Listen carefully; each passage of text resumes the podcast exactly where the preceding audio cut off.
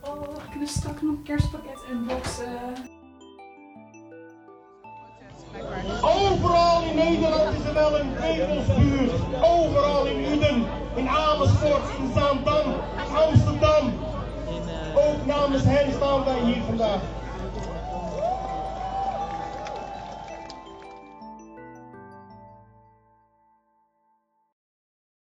Welkom bij deze speciale aflevering van Respons. Een kerstspecial. Wij zijn Catharine Hoi. en Veerle.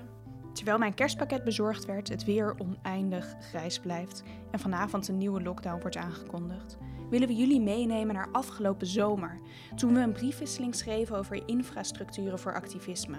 Plekken waar vandaan we kunnen dromen van een andere toekomst. In een tijd waarin veel van dat soort omgevingen juist worden afgebroken. Ter ere van het 25-jarig bestaan van Arginet werden we gevraagd om bij te dragen aan het project The Persistence of Questioning. Kritische reflecties voor de toekomst, over architectuur en meer. Om te reflecteren op de vraag: wat is de betekenis van het vak, nu en in de toekomst? Onze tekst werd eerder op arginet.nl en als cahier gepubliceerd. Sinds de publicatie zijn de thema's van de brieven alleen maar relevanter geworden. We schreven ze tijdens de sloop van de Tweebosbuurt, een deel van de wooncrisis waar de woonprotesten van de afgelopen tijd zich tegen verzetten. Je hoorde al een fragment van de speech van Mustafa Essouien bij de woonopstand in Rotterdam. De thema's uit de brieven zijn rode draden in de zoektocht van Respons. En daarom maken we er nu een audioversie van. Veel plezier met luisteren, fijne feestdagen en tot volgend jaar. Dordrecht, 8 juni 2021. Lieve Veerle, Pinkstermaandag en het regent. Ik zit met mijn ouders op een terras op de Wageningse Markt. Delftse schoolarchitectuur, de herbouw van de gebombardeerde binnenstad, begon nog voor de oorlog afgelopen was. Nu restaurants binnengesloten zijn, blijven de gevels niets dan een decor. Ik vraag mijn ouders naar de stad tijdens hun studietijd. Dezelfde achtergrond, maar dan bijna 40 jaar geleden. In een boek dat ik pas geleden van mijn moeder leende, vond ik naast uitgebreide inscripties van vrienden die haar succes wensten met de laatste loodjes van haar scriptie, een boekenlegger van vrouwenboekhandel Chicasta. Een vrouwenboekhandel in Wageningen. In de jaren 70 en 80 openden tientallen vrouwenboekwinkels in Nederland hun deuren. De eerste is ook nog de enige die nu nog bestaat, het Utrechtse Savannah B, opvolger van de in 1975 geopende De Heksenkelder. De vrouwenboekhandels hadden namen als De Fakes, Dulle Griet, Dikke Trui, Sapfo, Het Wicht, Xantippe. Wanneer zijn die verdwenen? In een blogpost uit 2005 vind ik nog routetips naar boekhandels in Wageningen. Chicasta is ook opgenomen voor al uw lectuur voor de feministische vrouw. De Gelderlander meldt in 2008 nog een weefdemonstratie. Ik wist dat helemaal niet van die vrouwenboekhandel, zeg ik tegen mijn moeder. Ze vertelt dat ze wel eens meedeed aan acties, georganiseerd door het kraakpand waar vriendin Erika woonde. Zelf hield mijn moeder zich wat afzijdig. Net radicaal genoeg om ermee om te gaan, maar niet genoeg om tot de in-crowd te behoren. Vanwaar mijn interesse in teloorgegane vrouwenboekhandels, vraag je je misschien af. In haar in 2017 verschenen boek Public Things schrijft de Amerikaanse filosoof Bonnie Honig over het belang van de publieke dingen die de democratische infrastructuur in stand houden. Het voortbestaan van democratie is volgens haar deels een materieel gebeuren: stembureaus, potloden, verhuizingen van het parlement. Hetzelfde geldt voor activisme. Er is een infrastructuur nodig om te kunnen dromen, een netwerk van plekken en mensen waar en met wie je je kan voorstellen dat de wereld beter zou kunnen zijn. Naast en tegenover de dominante publieke sfeer waren er altijd al andere publieke sferen, die ruimte maakten voor een andere vorm van discussie en publiciteit. In een bekend artikel uit 1990, Rethinking the Public Sphere, A Contribution to the Critique of Actually Existing Democracy, noemt filosoof Nancy Fraser als voorbeeld van die andere publieke sferen de uitgebreide feministische netwerken van tijdschriften, boekwinkels, uitgeverijen, film- en videodistributienetwerken, onderzoeksinstituten, academische programma's, conferenties, festivals en lokale vrouwenhuizen, die ontstonden in de tweede helft van de 20e eeuw in de Verenigde Staten. Maar ook in Nederland en op andere plekken en in andere tijdperken ontstonden zulke subaltern counterpublics. Met die boekenlegger van boekhandel Chicasta in Wageningen, de stad waar ik opgroeide, voelt dat opeens heel dichtbij. Waar zijn die tegenpublieken nu gebleven? Onze studietijd werd gekleurd door de economische crisis van 2008. Ons werd ingeprent dat de Starchitect dood was, dat het tijd was voor nieuwe architecten, of voor de nieuwe architect, die overigens in zijn eenheid en mannelijkheid verdacht veel lijkt op die oude Starchitect. Dat het tijd was voor samenwerking en het serieus nemen van duurzaam bouwen. Nu we een paar jaar zijn afgestudeerd, blijkt de praktijk conservatiever dan we leerden tijdens onze studie.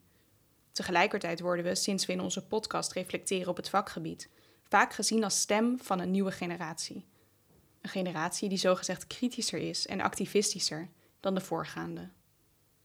Maar dat voelt wrang, want niet alleen schuift het wijzen naar de nieuwe generatie, maar al te vaak de verantwoordelijkheid voor een betekenisvolle praktijk, een praktijk die op verantwoordelijke wijze omgaat met mensen en milieu, door naar jonge mensen met weinig macht. Het doet ook geen recht aan de activisten die ons voorgingen. Feministische groepen als Vrouwen Bouwen Wonen, de afdeling Vrouwenstudies en vele andere vormen van sociaal ontwerp zoals die nu zichtbaar zijn in het nieuwe instituut, bogen zich al decennia geleden over vergelijkbare vragen als die ons nu bezighouden. Ze bieden inspiratie voor alternatieve vormen van architectuur die niet uitgaat van het star system, waar één vaak mannelijke baas wordt gezien als auteur en alle andere medewerkers als second bananas of tekenpotloden, zoals Denise Scott Brown het in 1975 zo mooi schreef in haar essay Room at the Top: Sexism and the Star System in Architecture. Door diversiteit en de klimaatcrisis te presenteren als nieuwe uitdagingen voor een nieuwe generatie, wordt een geschiedenis vergeten. Want hoe komt het dat wij nu het wiel opnieuw moeten uitvinden, als de vragen en problemen die wij aankaarten niet nieuw zijn? Hoe komt het dat de tegenpublieken uit de tweede feministische golf zijn verdwenen?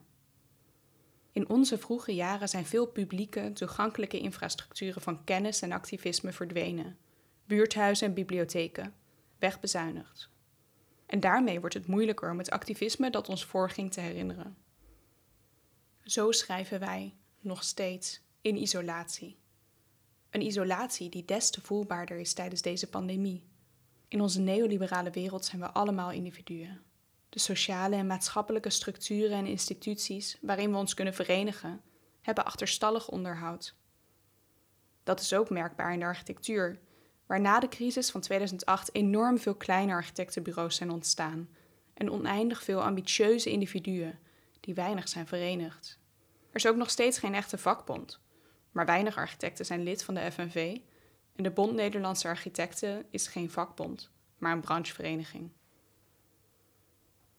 Wanneer ik denk aan vrouwenboekhandels die nu niet meer bestaan, zie ik plekken en netwerken vormen waarin we kunnen dromen van een andere toekomst.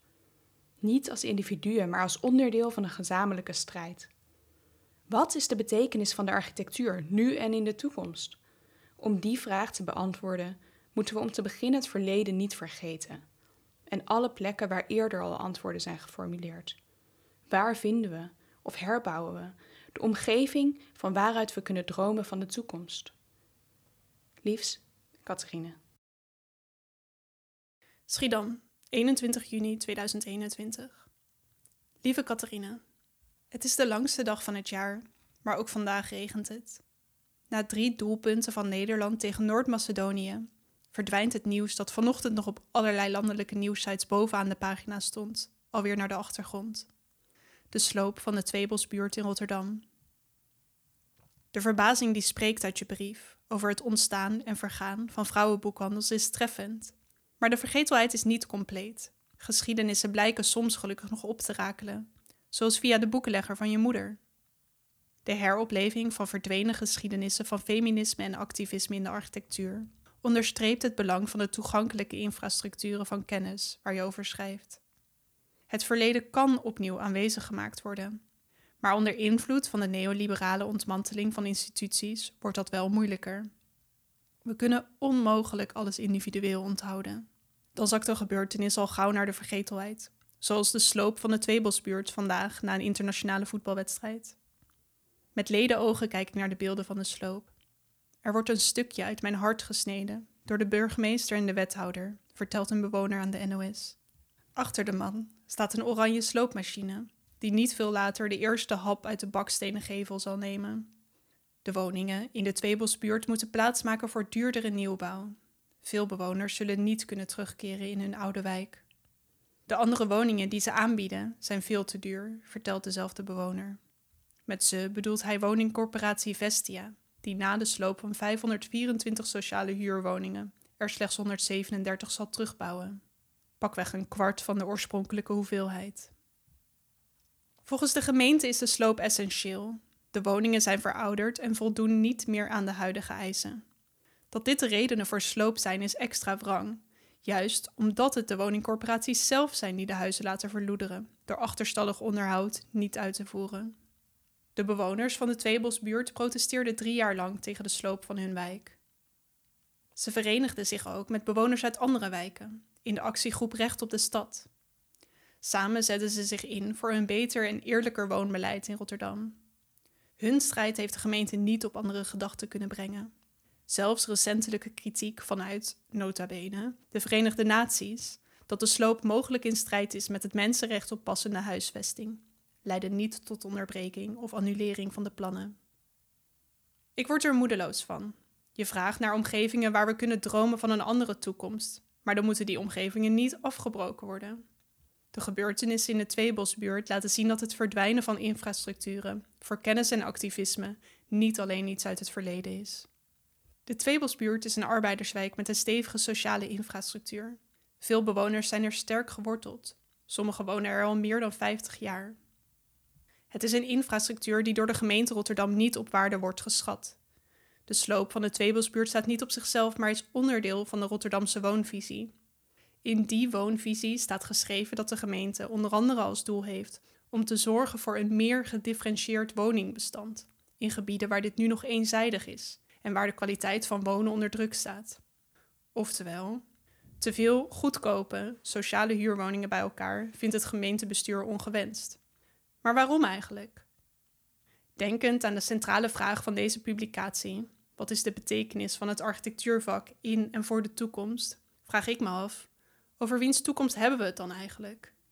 Dat er niet één toekomst is en dat de toekomst niet van iedereen is, blijkt wel uit wat er gebeurt met de mensen uit de Tweebosbuurt, voor wie in Rotterdam geen plek meer te vinden zal zijn. Terwijl de vrouwenboekhandels en veel publieke infrastructuren van kennis en activisme verdwenen, vergroeide de architectuur steeds meer met de markt.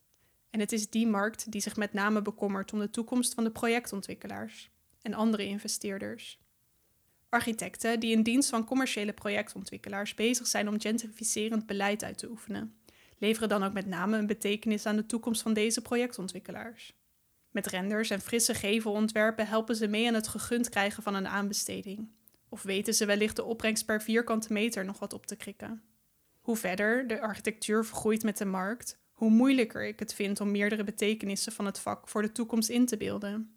Kunnen architecten ook nog voor anderen van betekenis zijn voor de toekomst? Op wat voor manieren zouden architecten kunnen bijdragen aan het, zoals jij het schreef, herbouwen van die omgevingen, van waaruit we kunnen dromen over nieuwe toekomsten? Liefs, Veerle. Rotterdam, 25 juni 2021. Lieve Veerle, vlak na het lezen van je brief las ik het essay van Arna Matskic in het nieuwste jaarboek Architectuur in Nederland.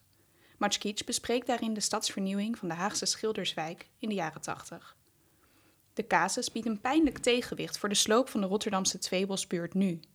De Schilderswijk was namelijk hetzelfde lot beschoren als de Tweebosbuurt, sloop en nieuwbouw, die te duur zou zijn voor de bestaande bewoners. Maar onder het wethouderschap van Adrie Duivenstein maakt de stadsvernieuwing als technocratisch proces plaats voor stadsvernieuwing als culturele activiteit. In plaats van te focussen op sloop, en nieuwbouw, een verdienmodel waarin de belangen van woningcorporaties, aannemers en architectenbureaus meespeelden, zocht Duivenstein een architect die de identiteit en cultuur van de bewoners van de Schilderswijk serieus nam en hen als gelijkwaardige gesprekspartners beschouwde, schrijft Matschkic. Die architect werd Alvaro Siza. In het ontwerpproces ging hij op huisbezoek. Er waren bijeenkomsten en sessies waarin Siza en bewoners in een gymzaal de plattegronden nabouwden, met houten blokken. Het project is inmiddels vaak beschreven. Struinend over het Venetiaanse eiland Giudecca kwam ik het Haagse project in 2016 per toeval tegen in het Portugese paviljoen van de Architectuurbiennale. Ik raakte diep onder de indruk van de gevoeligheid die bleek uit de films, waarin Sisa zo'n 30 jaar na dato op bezoek ging bij de bewoners van zijn ontwerpen van Weleer. Waar de sloop van de Schilderswijk werd aangewend voor een project vol bewonersparticipatie, die recht deed aan de diverse sociale structuren en culturen van de wijk, wordt de Tweebosbuurt straks volgebouwd met de dure woningen. Misschien zien we de nieuwbouw over een paar jaar wel terug in het jaarboek. Ik moest denken aan een meme die ik deze week tegenkwam. Je ziet Kirsten Dunst als Mary Jane, die tegen Peter Parker alias Spider-Man zegt: Tell me the truth, I'm ready to hear it. In plaats van zijn identiteit als Spider-Man te onthullen, zegt Peter Parker in deze Twitter-variant: Contemporary architects are primarily valued for their capabilities in monetizing space. Door betekenis te zien in vierkante meters huuroppervlak en niet in netwerken van mensen en omgeving, worden plekken als de Tweebosbuurt met de grond gelijk gemaakt en worden architecten in een benauwd keurslijf gedwongen. Ze dienen de markt, geen CISA in de Tweebosbuurt. Het gebrek aan beweegruimte en die nauwe financiële focus op betekenis was voor ons een van de redenen om niet als architect aan de slag te gaan na onze opleiding. Onze frustratie was tegelijkertijd het startpunt van een zoektocht, in de podcast en gesprekken zoals deze, naar manieren om het anders te doen. We kwamen erachter dat we niet de enige zijn die de architectuur verlaten. Veel vrouwen, net als mensen met een migratieachtergrond, verlaten de praktijk. De jaarrapportage Ruimtelijke Ontwerpsector 2021 onderstreept hun ondervertegenwoordiging nog maar weer eens. Maar het gebrek aan diversiteit in de praktijk lijkt niet alleen een resultaat, maar ook een oorzaak van de beperkte financiële blik op wat architectuur kan betekenen.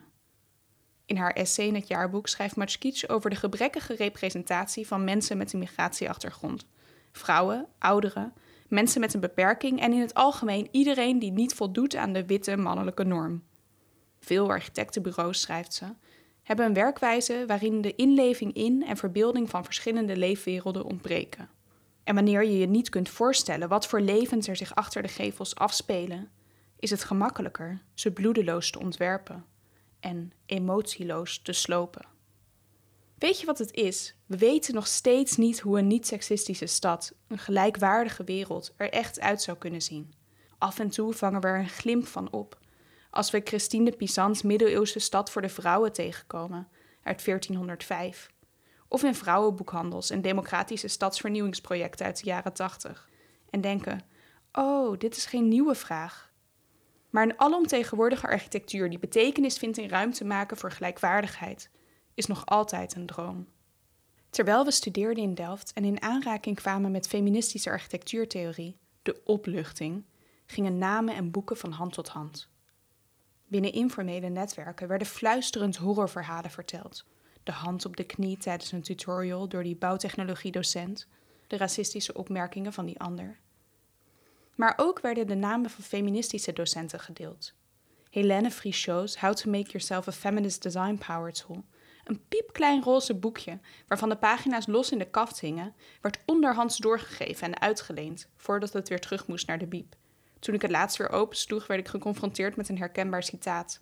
Frichot schrijft: No doubt many who have ventured into the walled city of architecture have discovered, sooner or later, that they have something to complain about in terms of why they have not been able to pass as an architect, or why they have been obliged to exit or escape, even once they have achieved their qualifications.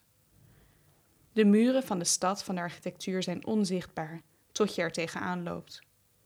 Volgens filosoof Sarah Ahmed, die om vergelijkbare redenen de academische wereld verliet, is er belangrijke kennis te vergaren door het zichtbaar maken van die onzichtbare barrières.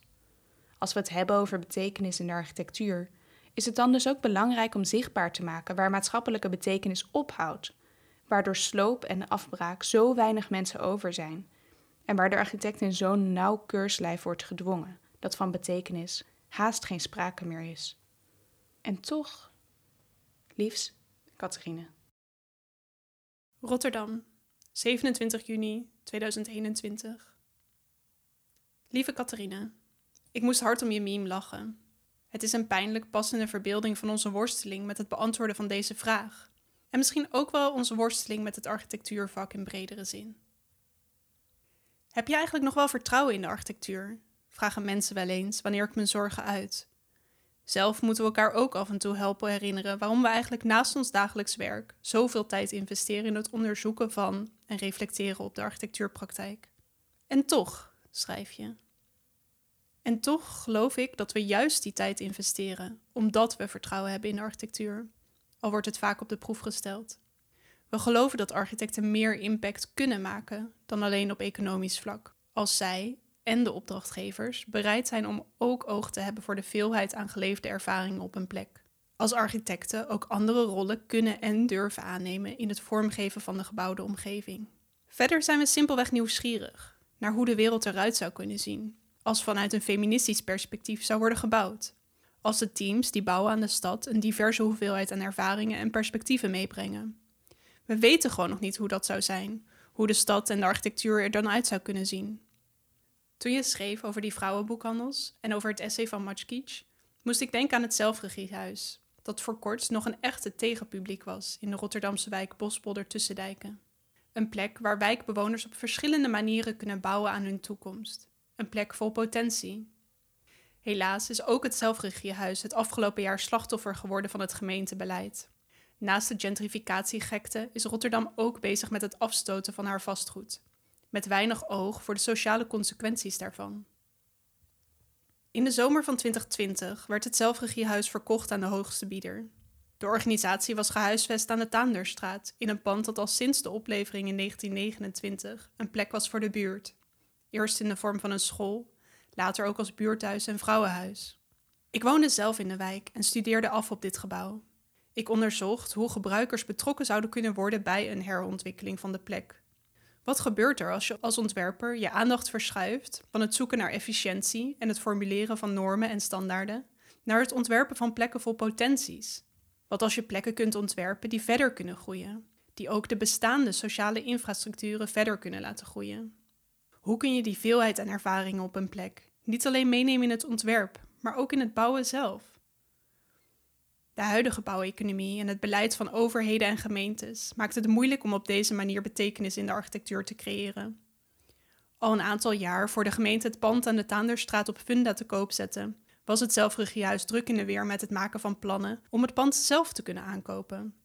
Samen met andere wijkorganisaties, Zorg Vrijstaat West en de Delfshaven Coöperatie, werd er hard gewerkt aan een hybride verdienmodel om de maatschappelijke impact van de plek te bestendigen. Het plan was solide. Het kreeg steun van Koninklijke Heidemei en Arcadis. De directeur van Stadsontwikkeling Rotterdam was al op de hoogte gesteld. Maar wethouder Bas Curvers van de uitspraak: een inclusieve stad is er ook voor penthousebewoners, had haast. En het verkoopproces denderde door. Er was geen ruimte om maatschappelijke waarde en rendement mee te wegen in de verkoop. Ondanks de geforceerde verhuizing bestaat het zelfregiehuis gelukkig nog steeds, al is dat nu op twee verschillende plekken in de wijk bij Schiezicht en in het Bollepandje. Hier weten ze weer nieuwe netwerken aan te boren, maar ook deze locaties zijn precair. Ook woningcorporatie Havensteder heeft, onder druk van een verhuurdersheffing, een verkoopprogramma. Voortleven kan, zoals de vragen vanuit de tweede feministische golf en de democratiseringsbewegingen ook nog steeds doorleven, al is het in de marges of online. Maar ik kan niet anders dan nadenken over hoe de stad eruit zou kunnen zien als dit soort plekken wel de steun krijgen die ze verdienen. Stel je voor dat ze naast hun dagelijkse maatschappelijke werkzaamheden niet ook nog eens hoeven vechten om hun voortbestaan. Stel je voor wat de betekenissen de architectuur dan zou kunnen hebben. What a wonderful world that would be. Liefs, Veerle. Dank jullie wel voor het luisteren naar deze kerstspecial. Respons wordt gemaakt door ons, Catharine Koekoek en Veerle Alkemade. We blijven dankbaar voor de hulp van Sebastiaan van der Pol voor microfoonadvies, Elie Dorsman voor de jingle en Anne de Zeeuw voor het logo. Voor gesprekken en inspiratie die deze briefwisseling hebben gevoed, bedanken we graag Setari Norani, Tabea Nixdorf, Robert de Vrieze, Arthur Schonenberg en de mensen van het Zelfregiehuis. Marina van den Berg en Pauletta Holst, dank jullie wel voor de uitnodiging. De tekst die je hoorde werd geschreven voor het Archinet-project The Persistence of Questioning waarin een viertal cahiers en podcasts speciaal voor dit project geschreven essays, beeldessays en interviews rond belangrijke en aanhoudende vragen in het vakgebied worden samengebracht. Alle teksten en podcasts zijn te vinden op argnet.nl.